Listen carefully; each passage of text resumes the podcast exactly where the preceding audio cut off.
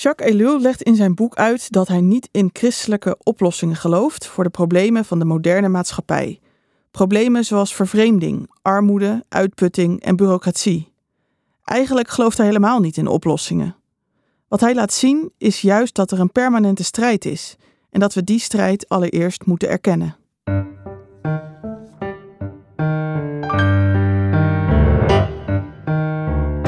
De Theologie-podcast gaat over wat vandaag speelt in kerk en in theologie. De Theologie-podcast wil delen, inspireren en verdiepen. Jacques Ellul leefde van 1912 tot 1994 en was een Frans jurist, socioloog en protestants theoloog. Frank Mulder is de gast om samen met eh, Tom en mij het over Jacques Ellul te hebben. Frank is journalist, schrijver en onderzoeker en is vooral nieuwsgierig naar maatschappelijke ontwikkelingen op de lange termijn, op het gebied van economie, technologie, religie en internationale betrekkingen. Hij schrijft onder andere voor de Groene Amsterdammer. Hij vertaalde het boek Staan in de wereld van nu van Jacques Ellul, dat al in 1948 geschreven werd. In deze aflevering gaan we in gesprek met hem over het gedachtegoed van deze markante denker. Nou, welkom Frank, welkom Tom. Dankjewel. Mooi dat we het vandaag kunnen hebben over dit boek Staan in de wereld van nu. Maar allereerst nog even over jou, want ja, jij bent journalist. Je woont in een uh, woongemeenschap in uh, Utrecht-Overvecht, begreep ik. Ja, hoe kwam jij op het spoor van, uh, van deze denker, van Jacques Ellul? Ja, dat is een goede vraag. Ik, ik ken zijn werk al lang en ik denk dat ik het heb geleerd ooit van Bob Goudzwaard. Die, die heb ik wel eens gesproken, een, een oude christelijke econoom. En die was al geïnspireerd door Ellul. En zo via eh, verschillende mensen kwam ik, kwam ik hem steeds weer tegen. Dat ik dacht, ik moet toch eens wat gaan, uh, gaan lezen van die man zelf. In welke context moeten we de man plaatsen? Links, rechts, hoog, laag? Ja, daar, daar kan ik heel veel over zeggen. Uh, zal ik wat vertellen over wie hij was? Of, ja, graag. want, hij, want hij is, leefde dus in de 20e eeuw in Frankrijk. En die context was sowieso heel anders. Dus hij, hij begon met zijn, met zijn werk kort na de oorlog. Hij was uh, rechtshistoricus, socioloog. En hij heeft dus een heel groot, uh, heel groot academisch oeuvre. Maar daarnaast was het, was een ontzettend actieve man. Die allerlei bewegingen en actiegroepen en activiteiten had. Dus al, al voor de oorlog had hij, had hij clubjes dat hij mensen meenam, studenten meenam de bergen in. Om na te denken over fascisme en communisme en kapitalisme. Al die grote bewegingen die toen opkwamen. En hij was een soort voorman van, uh, van het personalisme, zoals hij dat noemde. En hun leus was Think Global, Act Local. Wat is personalisme? Uh, dat we niet moeten, ons niet moeten voegen naar grote massabewegingen en daar de oplossing van moeten verwachten. Maar dat wij als persoon, als mens op een bepaalde manier moeten leven. Dus, dus, dus mondiaal denken, lokaal handelen. En heel erg uh, als gemeenschap, een soort, misschien een soort van vroege vorm van gemeenschapsdenken. Heeft dat ook met jou te maken? Jij woont ook in een leefgemeenschap. Heeft dat nog iets met, met hem te ook te maken? Ja, uh, dat heeft er wel mee te maken. Uh, ik denk dat zijn benadering altijd is dat we geen oplossing gaan verzinnen voor problemen, maar dat we als mens op een bepaalde manier in, inderdaad in de strijd gegooid worden en vanuit bepaalde waarden met elkaar iets moeten vormen, vormgeven, proberen, vechten, uitzoeken, geloven. Een soort praktische houding gericht op het nu. En dat is ook wel iets wat ik tegenkom in, in een woongemeenschap. Dat ik, uh, dat, dat ik dat ook niet zie als een maatschappij. We doen dingen voor onze buurt bijvoorbeeld. We vangen vluchtelingen op. We hebben buurtmaaltijden. Maar dat hoe, we al... hoe groot is die gemeenschap? Uh, we zijn uh, met iets van twintig mensen. Waarvan een paar tijdelijk. Dus we hebben denk ik ongeveer tien kernbewoners plus een aantal kinderen, plus een aantal tijdelijke gasten. En uh, we drijven nu steeds verder af van Jacques. Maar, uh, dat geeft niet. maar dat is dus ook heel uh, soort, ja, je zou dat ook wel personalisme kunnen noemen. Dat we, we denken na over wat is migratie. En we komen heel veel migranten tegen. We denken dus na ook over, weer misschien die grote thema's heel klein maken en dichtbij halen. En, en, niet proberen om een maatschappelijke organisatie te worden die, dat gaat, die iets goeds voor de wijk gaat doen. En de wijk mooier gaat maken. Of dat is zoiets. Helemaal niet. Het is heel erg gekeerd, gericht op Wat is het goede leven met God? Wat, eh, wat betekent ons geloof in de praktijk? Hoe zoek je Gods koninkrijk vandaag? En Jezus zegt dat dat alleen maar, volgens mij, even in mijn eigen woorden, dat dat alleen maar kan met de arme mensen om je heen. Eh, dat is een voorbeeld. Dan moet je dus zorgen dat je tussen arme mensen leeft. En niet om, de, om ze te helpen, maar omdat zij jou moeten helpen. Zou Eliel dat ook beamen? Ja, hij gebruikt weer andere woorden daarvoor. Ik denk dat dat wel heel erg bij hem past, ja. Want het was dus een heel veelzijdig eh, persoon. Hij was hoogleraar in de rechten. Ja, en, en in de oorlog heeft hij enorm veel, eh, is hij heel actief geweest in het verzet, waar hij ook onderscheiden voor is. En hij heeft na de oorlog, bleef hij eigenlijk in die verzetshouding. Dus hij was heel erg teleurgesteld dat mensen na de oorlog weer allemaal in een oude patronen gingen Hm. eh, terugkeerden. En oude politieke partijen. En eh, Hoe zag zijn verzet eruit?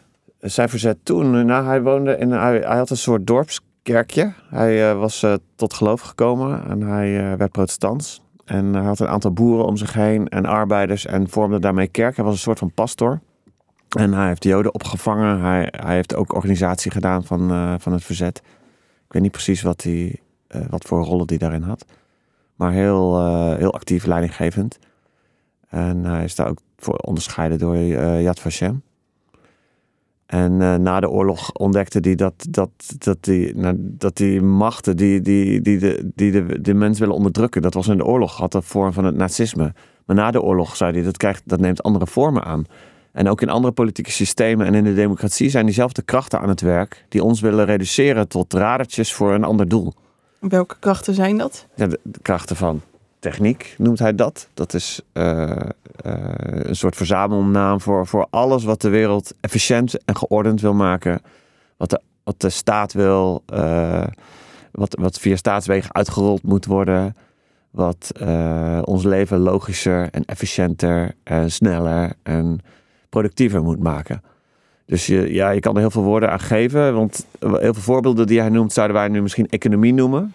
Maar hij noemt het techniek, omdat hij het ge- gevoel heeft dat eh, alles in ons leven steeds beter en efficiënter moet worden. Het lijkt heel erg op onze discussie over economische groei die we nu hebben. Alles moet groeien. En dat zei hij in 1945 al. Van, nou, we hebben Hitler verslagen, maar we zitten in een nieuw systeem waarin alles moet groeien. Hij zegt zelfs de geest van Hitler hebben we niet verslagen. Ja, dat de geest van Hitler dat alles in de maatschappij onderworpen moet worden aan de macht van de staat en aan de macht van onze macht.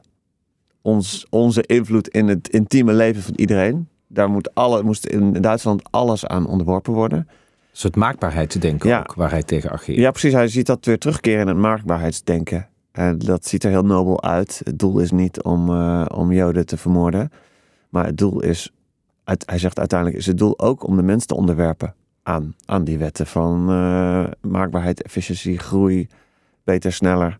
Maar voor wat? De mens zelf wordt vergeten. Dus hij, hij, eh, om dan ook even af te maken in welke context hij moest plaatsen. Hij werd dus heel actief in de milieubeweging. Hij zag dat daar voor het geld de natuurgebieden werden opgeofferd om daar grote flats neer te zetten. En dus hij had een, was een soort oprichter van de milieubeweging toen die nog niet bestond. Hij kwam tegen met, in hoe er met eh, moeilijke jongeren op straat werd omgegaan. Er kwam een soort nieuw drugs- en alcoholprobleem. En de politie die sloot die jongeren op. En hij zei, nee, er is iets anders. We moeten, we moeten slecht aangepaste jongeren niet veranderen in goed aangepaste jongeren. Maar we moeten hun slechte aanpassing veranderen. Nee, Onaangepastheid. eh, ja, slechte onaangepastheid veranderen in goede onaangepastheid. Ja.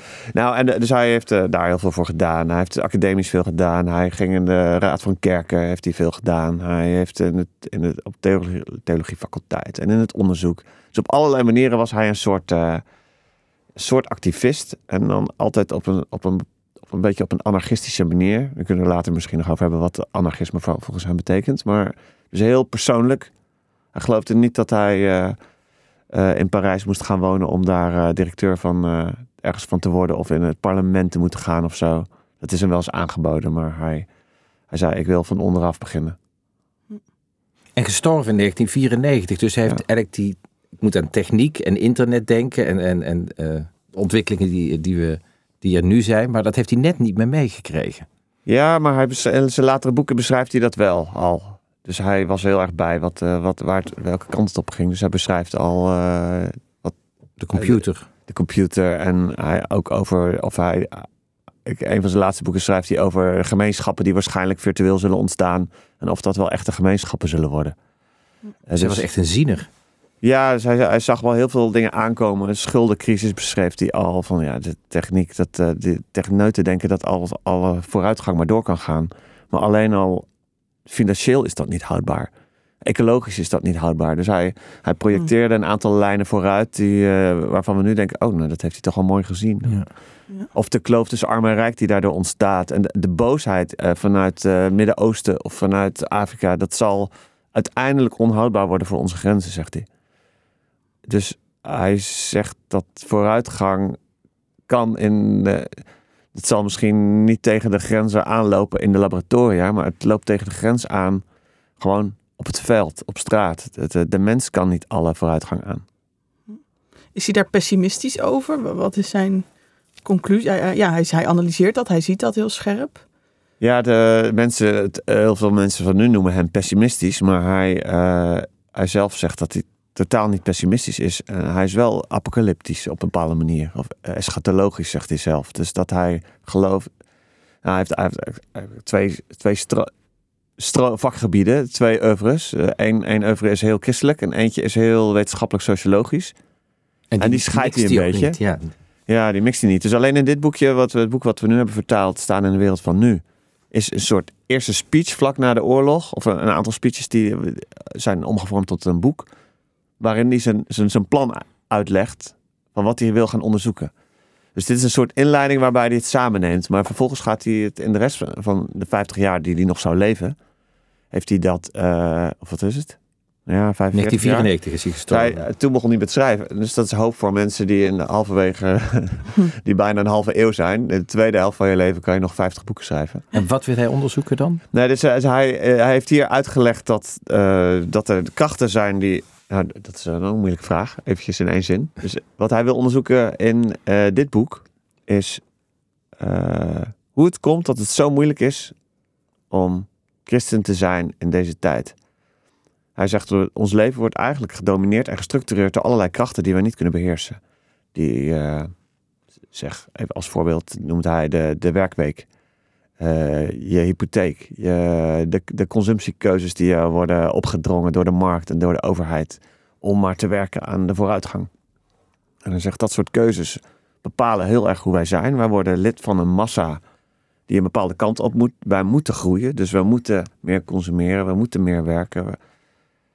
Maar de keuzes die ons geloof van ons vraagt, die, die, die gaan we beperken tot, uh, tot moraal bijvoorbeeld. Wat vind je van dit? Of uh, tot de kerkdienst op zondag. Hij zei, het moet andersom zijn. Ons geloof gaat over wat zijn de belangrijke keuzes in ons leven. En op basis daarvan moeten we in de wereld staan. En hij ziet dus dat wij, dat mensen om hem heen en hij zelf, hij zegt, we worden geconditioneerd door een systeem. Hij ziet een systeem optuigen. En tegenwoordig praten we wel vaker over dat woord systeem. Dat is een beetje ingeburgerd. Maar hij was wel een van de eerste mensen die zeiden, oh, dit lijkt wel een systeem. Er is een hele maatschappij met allerlei wetten en verbanden, techniek, groei, bureaucratie. Dat wordt een machtig apparaat en wij willen de hele wereld veranderen in een apparaat.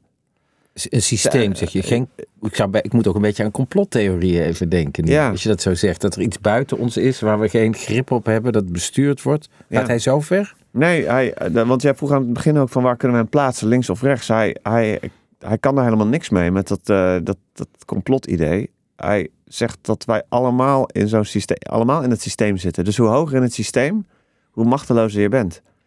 Dus echt sociologisch beschrijft hij het.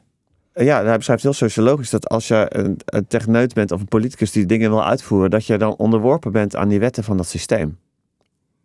Ik heb, ja, ik heb zelf wel eens iemand geïnterviewd die was uh, directeur bij ING. Ge, ik heb wel eens gevraagd over waarom zou je investeren in wapens. Ze, ze zei, ja, dat, dat is toch onze keuze niet. Wij, wij moeten investeren in, in uh, we hebben gewoon allerlei benchmarks die we moeten volgen en dat gaat automatisch. halen. Ja, we moeten een bepaalde percentage halen. En dat moet, anders, ga, anders, ga, ga jij, anders gaan jullie weg als klant. Ik moet het, als wij dat niet doen, als wij hier heel ra rare keuzes in zouden maken, dan zouden klanten naar de tegenstander gaan, ja. de concurrent gaan. Dus zij, zij was directeur, ik, ze beheerde miljarden. Ik denk, ik praat met een machtige vrouw. Maar zij was een soort, volgde de markt. En dat beschrijft Elul heel erg, dat doen wij allemaal. Dus wij zitten allemaal. Wij, en hij zegt. Hij staat bekend dus als pessimist over techniek. Zo wordt hij vaak samengevat. En het klopt niet. Het pessimisme klopt niet zo goed. En het woord techniek klopt ook niet zo goed. Want hij heeft het veel meer over het maakbaarheidsdenken. Het technische systeem wat via het- je kan het voorbeeld van techniek en van telefoons en computers noemen. Maar hij ziet het ook in de toeslagenaffaire bijvoorbeeld. Of in hoe wij omgaan met milieu. Wij worden een soort, een soort machteloze radertjes. Niet omdat die apparaten op zich verkeerd zijn, maar omdat wij de wereld willen veranderen in een apparaat. Ja. Een groter geheel waarin ook ja, dus die menselijke kant en, en de eigen verantwoordelijkheid ook verdwijnt. En bij zo'n toeslagenaffaire kan je mensen ter verantwoording roepen en zeggen: Ja, sorry, ik heb alleen maar gedaan wat ik moest doen. Of ik overzag het geheel niet meer. Ja, dat is echt een voorbeeld van wat hij zou verstaan onder techniek. En de coronatijd, hoe zou je dat duiden op zijn eluls?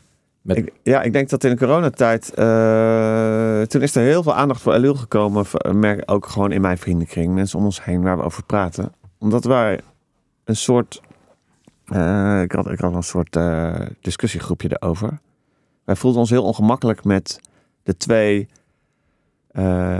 de twee kampen waar je uit moest gaan kiezen. Dus of een heel de, de officiële lijn was heel erg geleid door dat maakbaarheidsidee. We moeten corona eronder krijgen.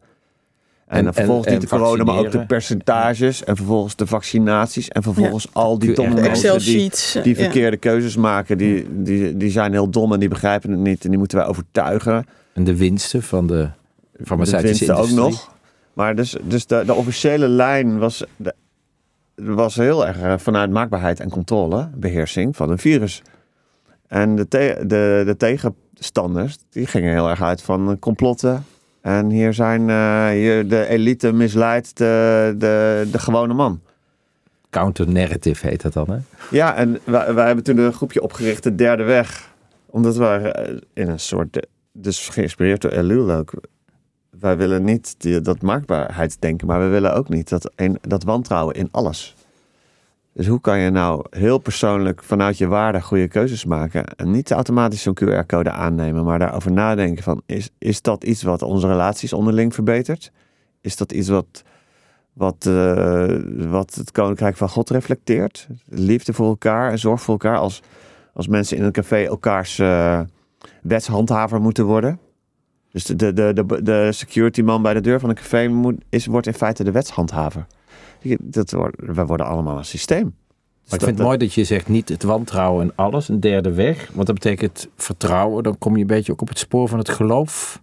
Ja, zeker. Terecht zit daar dan de uitdaging eh, in een post-christelijke beschaving. Is dat een woord voor hem, vertrouwen? Of Ja, hij ja, hij gelooft dat eh, te- vertrouwen en vriendschap en vrije keuze, vrije ethische keuzes, dat dat, eh, dat is geloof.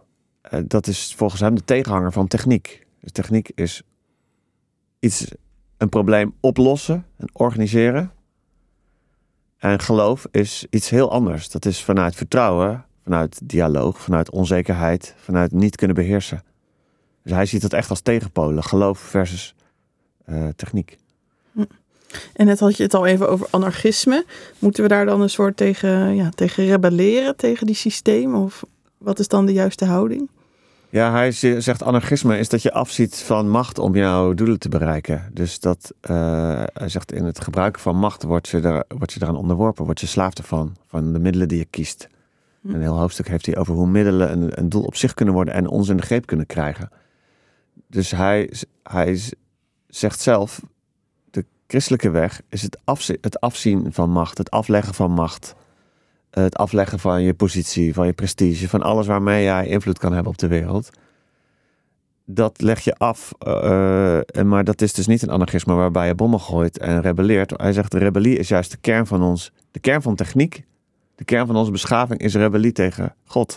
Rebellie tegen het vertrouwen wat we moeten hebben. Dat als wij het juiste doen, dat het goed komt. Dat vertrouwen hebben wij niet. Dus wij grijpen de macht.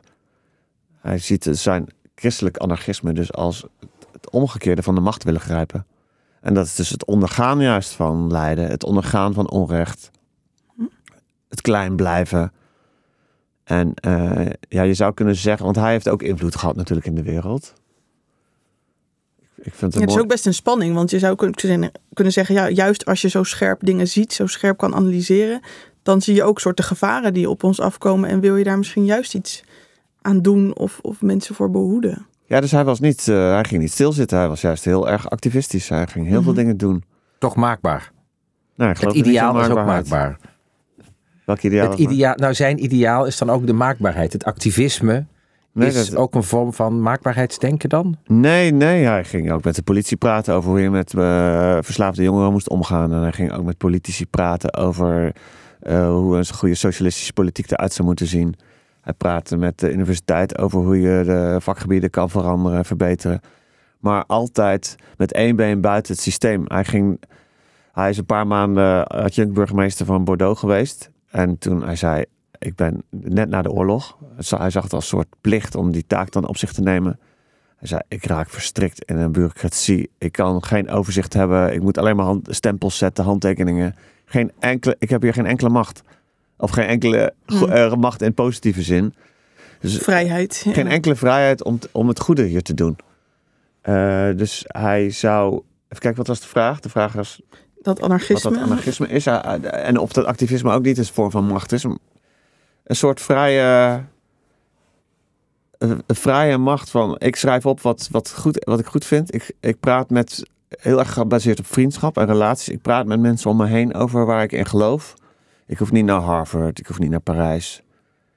Eh, dat is aan God of het wel of niet invloed heeft. Dat is aan de mensen om Hoe, me hoe heen. verliep zijn loopbaan? Hij moest ook, ook inkomen hebben. Het is het, het denk Ja, maar hij werd dus enorm gelezen. Dit werd enorm dus hij leefde van zijn boeken. Nou, hij had een baan aan de universiteit. Hij was socioloog. Dus hij gaf les. Hij gaf les. Dat ja, was zijn dagelijkse... rechtshistoricus, Romeins eh, recht, eh, middeleeuws recht, eh, sociologie. Hij had het over die macht. Eh, hij lijkt dus een soort afkeer te hebben van, ja, van een macht waarbij je telkens verder op wil klimmen. Hij is ook beïnvloed door eh, Karl Marx. Ja. Hoe- Kun je daar iets over zeggen? Welke rol speelde dat gedachtegoed? Ja, dat begon al in zijn jeugd. Dat hij zag hoe Marx eh, probeerde de wetten achter onze systemen te begrijpen. En Marx zag dat heel erg in, eh, in, in geld. En, eh, en, en de, de, kapitalist als, als motor van, van een bepaalde historische richting. Dat heeft hem heel erg beïnvloed. En hij kwam daarna tot geloof. En dat heeft een soort twee, twee brillen opgeleverd. Hij zei, ik bekijk altijd alles met die twee brillen. En tot geloof komen. Hij was altijd een beetje schimmig, begreep ik toch? nee, hij was tot zijn 18 hij is atheïstisch opgevoed. maar over die bekering, over dat moment. Is daar meer, hoe kwam hij tot geloof? Is daar meer bekend over? Ja, hij vertelt dat hij in, eh, ergens in een interview vertelde hij dat hij eh, in een vakantiehuisje alleen was. En dat hij een enorme angst ineens over zich heen voelde komen. Een soort, hij zei, ik wist dat er iets aanwezig was. En hij heeft zijn fiets gepakt en hij is als een gek eh, naar huis gefietst. En thuis zei hij, ik, ik, ik weet dat ik christen ben geworden. Dus hij, en terwijl hij nooit dus bijbelstudie of wat dan ook had gehad. Hij zei, ik voelde hier dat hier een macht in mijn leven is gekomen. En hij is dat gaan onderzoeken. Hij is toen wel bijbelstudie gaan volgen. Hij is eh, gaan corresponderen met Karl Baart, de bekende theoloog in de jaren 30. De protestantse weg ging hij bewandelen. Of Ja, hij vol, ja, en Frankrijk, ik denk ook dat dat eh, met de context te maken heeft. Want hij is helemaal niet zo Calvinistisch geworden. Eh, maar hij, is, hij vond de bijbelstudie heel belangrijk en het persoonlijke. Maar was hij katholiek of protestant? Nee, nee, protestant is hij geworden, ja. Eh, en ehm, eh, toen had hij dus eigenlijk twee... Toen ontdekte hij ook dat, dat heel veel van Marx niet echt verenigbaar is met... Marx benadrukt hoe wij vastzitten aan wetten van het systeem. En religie is een projectie. En religie is een projectie. En de Bijbel leert dat wij vrij zijn. En dat eh, we niet vastzitten aan wetten. Dus hij, zei, maar ze zei, hij zegt, ze zijn allebei waar. Ze werken op elkaar in, die twee krachten. Dus onze onvrijheid en onze vrijheid, die zijn allebei waar. Dus in zijn boeken zie je ook dat hij de hele tijd... Ik weet niet of jullie dat hadden als je dat leest. Dat hij heel vaak tegengestelde dingen zegt. We kunnen de wereld niet veranderen. En dan een donderpreek uh, à la Kierkegaard. Hij, hij was ook fan van Kierkegaard. Springen. We moeten de wereld Uh, we, veranderen. en dan, we moeten de wereld veranderen, maar het kan niet. En uh, dus zo in zijn hoofdstukken word je ook heen en weer ge, Ja. geslingerd. Soms tussen ergernis van ja, nu overdrijf je veel. En dan vervolgens, vervolgens gaat hij te- het tegenovergestelde zeggen. Maar heel erg vanuit het gevoel dat dat allebei waar is. Dat en we zitten vast. En in, als je daar dus in het dagelijks leven een positie in kan vinden en kan strijden, dan ligt daar je vrijheid in. En waar zit God in dit verhaal? Want eh, grijpt hij dan op een gegeven moment in? Moet, waar moeten we precies dan op vertrouwen? Ik hoorde je ook zeggen, alles komt goed. Ja, dus hij is heel eschatologisch. dus, eh, heel erg geloof in het koningschap van Christus. Dat Christus is Keer terug. koning. Ja, en hij eh, legt niet uit hoe die terugkeer zal zijn. Of dat via ons werk is of buitenom. Of, een, eh, maar het zal, volgens zijn theologie, het, het zal gebeuren. Eh, Christus is nu al koning. Maar wat Dus- zal gebeuren? Dat Christus het koningschap zal ook eh, in de hele schepping, in de hele Een nieuwe kosmos, aarde dan ook. zal, eh, hoe zeg je dat, vormgeven. Maar hij zegt, wij kunnen niet zoveel zeggen over die toekomst. Het, het is meer een vertrouwen dat Christus nu al onze Heer is en niet macht, niet techniek, niet geweld. En als, zodra we daarin geloven, dan brengen we die toekomst al naar het heden. Dus hij zegt dat, dat die, die, die toekomst van het Koninkrijk van God, dat, dat gaan wij niet bouwen. Dus hij was heel erg tegen linkse christenen die zeiden, wij gaan het Koninkrijk van God op aarde bouwen. We moeten allemaal eh, de wereld verbeteren. Hij gelooft er niet in. Hij zegt, we gaan het niet bouwen. God gaat het ons geven. Dus wat jij zegt, Christus komt terug. Maar dat beïnvloedt nu al hoe ik hier nu in het leven sta. En daardoorheen bouwt God al zijn koninkrijk. Dus dat is ook weer die dubbelheid. Wij gaan het niet bouwen, maar we moeten wel vandaag keuzes maken. Want door ons heen gaat God dat bouwen. En gaan we het toch bouwen? En gaan we toch bouwen. Ja. Dus het- uit- hij zegt uiteindelijk kan hij dus niet zeggen dat techniek slecht is. Hij zegt, techniek zal een deel worden van dat koninkrijk van God. Maar pas als we het loslaten. Dus je moet die macht loslaten voordat het eh, tot eer van God zal zijn. Want in het hart van al onze techniek zit opstand tegen God, zegt hij. En zitten, zitten machten. Is een belangrijk deel van zijn theologie gaat over de machten. In, in, het, in de 20e eeuw is heel erg, of in een deel van de kerk is heel erg het geloof uitgelegd als vergeving van jouw zonde, vergeving van jouw morele fouten, Gered worden. gered worden. Nou, gered, dat is een ander woord alweer. Gered van wat? Gered van jouw slechtheid of gered van de machten die ons onderdrukken? En hij zegt, wij zijn niet alleen gered van onze fouten, maar wij zijn ook gered van onderdrukkende machten die ons leven structureren op een verkeerde manier. En daar zijn we van bevrijd. Christus is gestorven en heeft, en- zegt Paulus, is nu bezig om al die machten te onderwerpen. Als laatste zal hij de dood onderwerpen. Dat is nu bezig. Dus leest hij dan ook de Bijbel vanuit zo'n bevrijdingsperspectief? Ja. Of een verhaal als de uittocht van, eh, uit Egypte bijvoorbeeld, moet ik aan denken. Dat is natuurlijk ook zo'n bevrijdingsverhaal. Ja, ja, hij heeft over heel veel Bijbelboeken eh, echt eh, Bijbelstudies geschreven. En die, ik, over de uittocht weet ik niet, eh, weet ik niet per se, maar hij, hij leest dat helemaal met de bril vanuit bevrijding. En daar hoort, hoort zonde ook bij. En onze fouten hoort daar ook bij. Maar hij zegt, hij koppelt zonde heel erg aan die machten die ons gevangen houden. Die, ja, zonde, dat, dat, dat, dat klinkt misschien alsof je dan vervolgens een straf moet krijgen. Maar door bepaalde stappen die niet gezond zijn, raak jij in een patroon, raak jij je vrijheid kwijt. Dus hij zegt, je komt dan in, eh, in het rijk van de noodzaak terecht. Als je bijvoorbeeld als je geweld gebruikt in een conflict, dat kan heel logisch zijn en heel begrijpelijk zijn, maar je komt dan in een, in een spiraal terecht die jij niet meer kan besturen. Dus geweld is niet zozeer eh, goed of slecht, maar het brengt jou van de vrijheid naar de onvrijheid. Dus zo ziet hij dat veel meer. En hij legt dus ook uit dat Christus ons bevrijdt van die onvrijheid en van die systemen, zoals kapitalisme, zoals eh, kunstmatige intelligentie, wat over ons komt, zoals eh, sociale media, wat, wat, wat onze kinderen vangt. Zo zou hij dat zeggen, denk ik. Eh, De, de, de uitputting van de natuurbronnen. Dat, daar zitten wij in vast. We willen eraan ontsnappen en het lukt ons niet. En ook dat is een vorm van zonde. Volgens mij, het viel mij op in het boek dat hij zonde ook als een soort collectief begrip Ja. ziet. Het is niet jij en- of ik zondig, maar we hebben ja, juist vanuit dat systemische hebben allemaal ons eigen aandeel ook in, in negatieve zin. Het heeft ook iets beklemmends, merk ik. Nou, goed zo. Dat is de eerste stap Toch? van, eh, op Ja, weg naar denk- de bevrijding. want ik denk, ja, is het zo, ja? Ja, toch? Dat, je, ja. Maar leg uit. Beklem. Nou ja, dat systeem, je- ik, bedoel, ik probeer het dan te, te, te concreet te maken in mijn hoofd. En dan zie je inderdaad allerlei eh, aspecten in je leven. Nou, die telefoon die hier naast me ligt, waarvan alles op zit. eh, eh, je pensioen, wat je wordt pensioen, opgebouwd door middel een van... eh, aanrijding, de verzekering, dan komt er ook van alles op je af.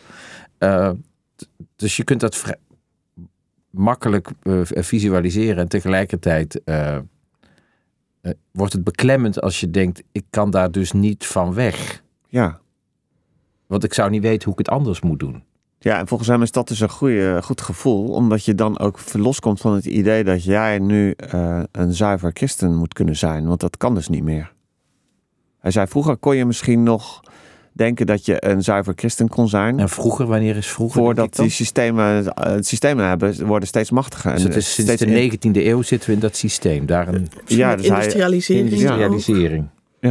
Nou, op allerlei, hij noemt allerlei vlakken. Dus het, het is, gaat natuurlijk niet in elk domein van ons leven. Idealiseert hij het verleden een beetje misschien dan? Ik vind som- in sommige zinnen doet hij dat wel, maar dan later komt hij daar ook weer op terug. Dus eh, eh, hij, hij zegt niet dat wij het, in ieder geval dat wij terug moeten naar dat leven. Nou ja, ik denk ook bijvoorbeeld in de middeleeuwen ging, ging iedereen vroeg dood, want toen was er geen medisch systeem. Ja. Dus ik ben ook wel een beetje dankbaar dat er nu ziekenhuizen zijn. Maar ook dat Ja. is weer systeem. Dus het zit een beetje in die dubbelheid. Ja, ik ik. vind dat het, hij, hij, hij zegt we verlengen ons leven. En, maar de, de lengte die we toevoegen, staan we nu in de rij voor loketten en eh, aan de lijn voor eh, helpdesks. En, eh, dus, eh, is wel hij zegt scherp. soms, soms eh, vraag, hij zegt, ik vraag me soms af waar we, waarvoor we ons leven verlengen. Laat de vrolijke ouderen van Omroep Max het niet horen. Nee, maar hij, is Maar niet- wel hij zegt niet, ik wil naar terug, naar, eh, terug naar vroeger. Dat zegt hij helemaal niet. Hij zegt, we, we, we krijgen dus materiële verrijking en uitbreiding ten koste van iets. Er gaat iets in ons kapot daardoor. Dus ehm, eh, we leveren vrijheid in. Dus, nou, maar, goed, je vraag was, kan, kan, je, eh, die beklemming... Dat, dat is dus dat is terecht. Dat is precies de situatie waar je in bent geworpen. Ja, eh, hij zegt, wij leven in Babylon. We leven niet in, eh, in een vrije wereld. We leven in een, in een stad die in opstand is tegen God. En alles om ons heen. Dus de pensioen, het pensioen wat je krijgt, is, dat groeit aan doordat er wordt geïnvesteerd op de beurs in bedrijven die jij eigenlijk waar je eigenlijk niet in wil investeren. Dus wij zitten allemaal vast, vast in, een, in een systeem. Laat die beklemming maar eens binnenkomen. En- En, ga, dan, en ga dan die Bijbelverhalen weer lezen. Want daar zit de oplossing. Paulus zegt, wij strijden tegen, tegen machten en overheden. En wereldbeheersers. Dat, dat is waar wij tegen te strijden hebben. En de vraag is dan natuurlijk wel, ja, staan in de wereld van nu. Hoe doe je dat dan? Hè? Want als je dat, dus dat beklemmende gevoel tot je door laat dringen, kan je ook denken, ja, ik trek me terug en eh, ik wil niks meer met de moderne maatschappij eh, te maken hebben. Ja. Ehm, en toch blijven staan in die spanning. Misschien Ja. is dat wel de uitdaging. Ja, precies. Want hij zegt, dat je- het is niet, je kan niet ontsnappen. Hij zei misschien als je dominee bent, want dan kan je betaald... eh, hoef je niet, te, niet een andere baan te Nee, hebben. predikant zit ook in het systeem. Ik heb het werk. Ja, oké. nee, dat is ook niet... Maar in ieder geval... Predikant- ik heb als predikant gewerkt. Dus die, ook daar komt het eh, voor. Ja, Was het maar zo mooi. ja. Nee, maar je, moet dus in die spanning staan. En hij beschrijft hoe je... Hij beschrijft een aantal stappen, eh, een aantal onderdelen, waar, wat je, een aantal dingen die je moet doen. En hij zegt het begint wel met een bekering, een soort een innerlijke bekering. Eh, een bewustwording dat, wat jouw situatie is. Dat je die illusies loslaat. Ik kan fijn, christelijk, duurzaam mens zijn. Duurzaam even, dat is een woord wat nu populair is. Wij kunnen niet duurzaam leven. Het kan niet. Alles om ons heen is gebaseerd op metaal en plastic en mijnbouw en hout uit de Amazone en CO2-uitstoot. Het kan niet. Hoe duurzaam je ook wil leven, we zitten vast. Dus laat dat tot je doordringen en ga dan eens weer eens lezen wat betekent die vergeving van Christus. Heb je daar dan wel wat aan of is dat alleen maar theoretisch? En wat betekent dat we elkaar dan vergeven? En wat betekent ommekeer? En eh, delen wat we hebben. En eh, elke dag vechten en gebed en bevrijding. Wat betekenen al die woorden dan? Die worden dan ineens heel, heel iets. Dat is in de kerk natuurlijk ontzettend. Of natuurlijk. Ik vind dat ze ontzettend theoretisch zijn geworden, die woorden. De kerk eh, gaat vaak naar je hoofd. Ja, Dat is de preek. ja. Misschien ter afsluiting, wat hoop je dat lezers meenemen uit dit boek? Ehm, Staan in de wereld van eh, 2023. Ehm, ik hoop dat ze eh, meenemen dat ja, de, eh, iets, van, iets van die frustratie. De Ik zit beklemming. vast. Hm. Plus dat dat precies is waar, waar het christelijk geloof over gaat. Wat moet jij doen als je vastzit? En dat je met die ogen weer opnieuw dat, eh, naar, naar geloof gaat kijken en naar de wereld om je heen. Wat moet ik doen? En eh, hij zei, nou, als je het boek leest, dan zie je dat hij oproept tot verzet, tot een innerlijke bekering, tot, tot keuzes maken. Maar ook, hij zegt zelfs al kan je niks veranderen, als je innerlijk al kiest om niet slaaf te willen zijn, daar, daar verbreek je je slavernij al mee. Vertrouwen ook, hoorde ik je straks zeggen. Ja. Vertrouwen dat het goed komt. En dat wat jij, als jij dat, die stappen zet, alleen al innerlijk. Dus hij zegt, onze vrijheid begint met nee zeggen. We moeten nee zeggen tegen dingen. Ook al kunnen we er nog niet los van komen. Eh, nou, als je met die ogen naar geloof weer gaat kijken en naar de wereld om je heen, dan denk ik dat we een, dat we een strijd ontdekken die we daarvoor niet zagen. Want het systeem zal terugduwen. Zal zeggen, terug in je hok. Ja, Dus nee zeggen, misschien begint het daar eh, ja. mee. Verzet. Ja, Ja, verzet. ja. En zo- Ook in deze Tabita, we tijd. worden activisten. Nou, Ja, en dat is eh, dat verzet, dat is lastig in een eh, systeem wat, tenminste, ik, het onrecht in onze wereld voelt heel erg gefragmenteerd. Ik kan niet zo makkelijk één plek aanwijzen in mijn leven waar dat onrecht dan zit. Het is, het is verspreid over allemaal eh, handelingetjes en actoren en het is, het is heel moeilijk om daar iets aan te veranderen. Dus eh, het, hij roept wel op om het conflict weer te gaan zien. Het, je kan namelijk ook in, sla, eh, ja, in slaap vallen. En het geloof laten terugdringen tot de zondagochtend. Of tot je mora- morele, ethische opvattingen. En verder niks. Dat kan heel makkelijk, want... Maar hij zegt, er is een strijd. Er is een strijd tegen machten, tegen overheden. En die moeten we voeren. Ja. Dus dat is een, begin, en en een antwoord hoe je die moet voeren. Strijd tegen onszelf ook misschien wel. Ja, te- want het, dat wortelt allemaal in onszelf, in onze Ja. eigen verlangens. En, eh, aanzuigende kracht ook. Ja. ja. Dus hij beschrijft geen positie waar die, dan, waar die strijd goed, waar je dan goed bent. Want die positie is er namelijk niet. Of je nou een arbeider bent, of op het platteland leeft, of een intellectueel bent. Je zal allemaal op je eigen manier eh, die strijd moeten voeren. Maar hij zegt, word eerst wakker en zie dat er een strijd is. Ja. Nou, volgens mij kunnen we nog uren over doorpraten. Ehm, nou, ik zou aan, tegen de luisteraar willen zeggen: koop het boek. Ga zelf eh, daarin lezen. Jacques Ellul staan in de wereld van nu. Uitdagingen in een postchristelijke beschaving. Al geschreven in 1948 en nu dus weer eh, opnieuw vertaald door Frank Mulder en uitgegeven. Eh dankjewel Frank en ook Tom. En ja, wil je nou meer lezen over de relatie tussen techniek en geloof?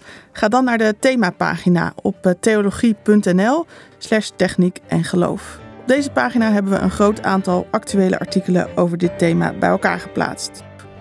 En wist je dat deze podcast onderdeel is van het platform theologie.nl? Een paar duizend theologische blogs, honderden theologische boekrecensies en duizenden theologische artikelen staan voor je klaar om te lezen. En als luisteraar hebben we een leuk aanbod. Lees alles op theologie.nl één maand gratis. En als je kiest voor lid worden en de code podcast gebruikt tijdens je bestelling, dan kan dat.